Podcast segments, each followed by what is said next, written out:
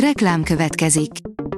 Ezt a műsort a Vodafone Podcast Pioneers sokszínű tartalmakat népszerűsítő programja támogatta, mely segít abban, hogy hosszabb távon és fenntarthatóan működjünk, és minél több emberhez érjenek el azon értékek, amikben hiszünk.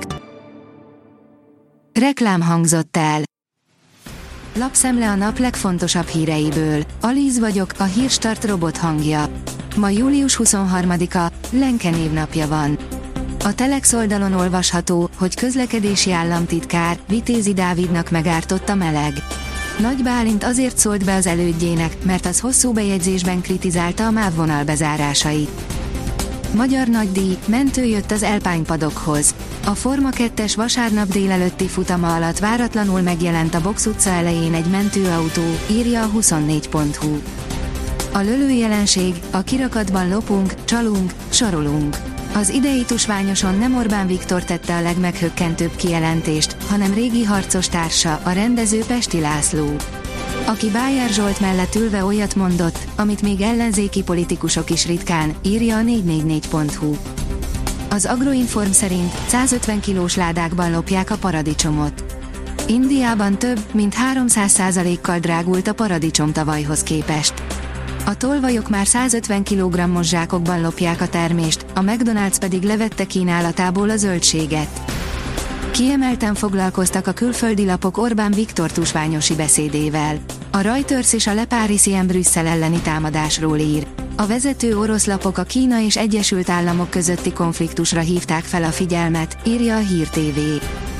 A portfólió írja, kaotikus állapotokról számolt be a Wagner pucsban résztvevő egyik zsoldos tiszt. A Wagner csoport egyik tisztje a BBC-nek elmondta, hogy a lázadás során történt események valódi természetéről a Telegramról értesült, már akkor, amikor Rostovba vezényelték.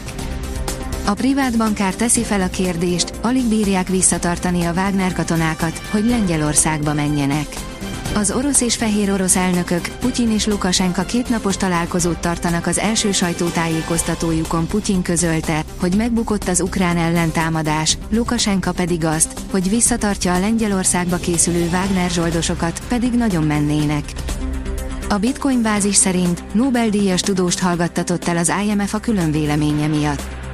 Úgy fest az IMF nemes egyszerűséggel hallgatásra kényszeríti azokat a feleket, akik a szervezet nézeteinek ellentmondó álláspontot képviselnek.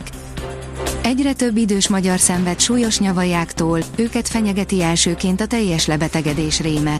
38,4%-ról 39,3%-ra emelkedett Magyarországon 2022-ben a hosszú ideje fennálló betegséggel, egészségügyi problémával élők aránya.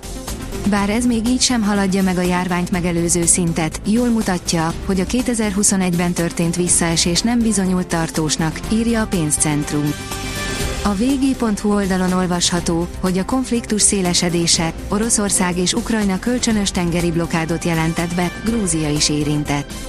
Az oroszok által bevezetett tengeri blokád elsősorban az ukrán kikötők gabonaszállításait akadályozná, de meggátolja a segélyszállítmányok vízi úton történő beérkezését is. A blokáddal Grúzia is érintett lett a háborúban. 16 éve sikerpárért fizet rekordösszeget a Manchester. A klub korábbi BL győztes ikonja, Darren Fletcher fiai költözhetnek Manchester egyik feléből a másikba, áll a rangadó cikkében. Magyarországon rengeteg helyen álprofizmus van, interjú az MB2-es Kozár Misleny asszisztensedzőjével.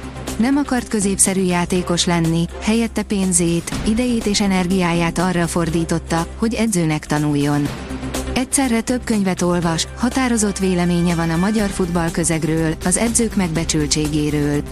Interjú a 28 éves Loh Krisztiánnal, aki az MB2-es Kozár Misleny asszisztens és erőléti edzője, áll a büntető.com cikkében. Verstappen sétálva nyert, Hamilton későn támadott. Norris Silverstone után ismét második lett, Pérez pedig maga mögött tudta tartani a végén nagyon nyomuló Hamiltont.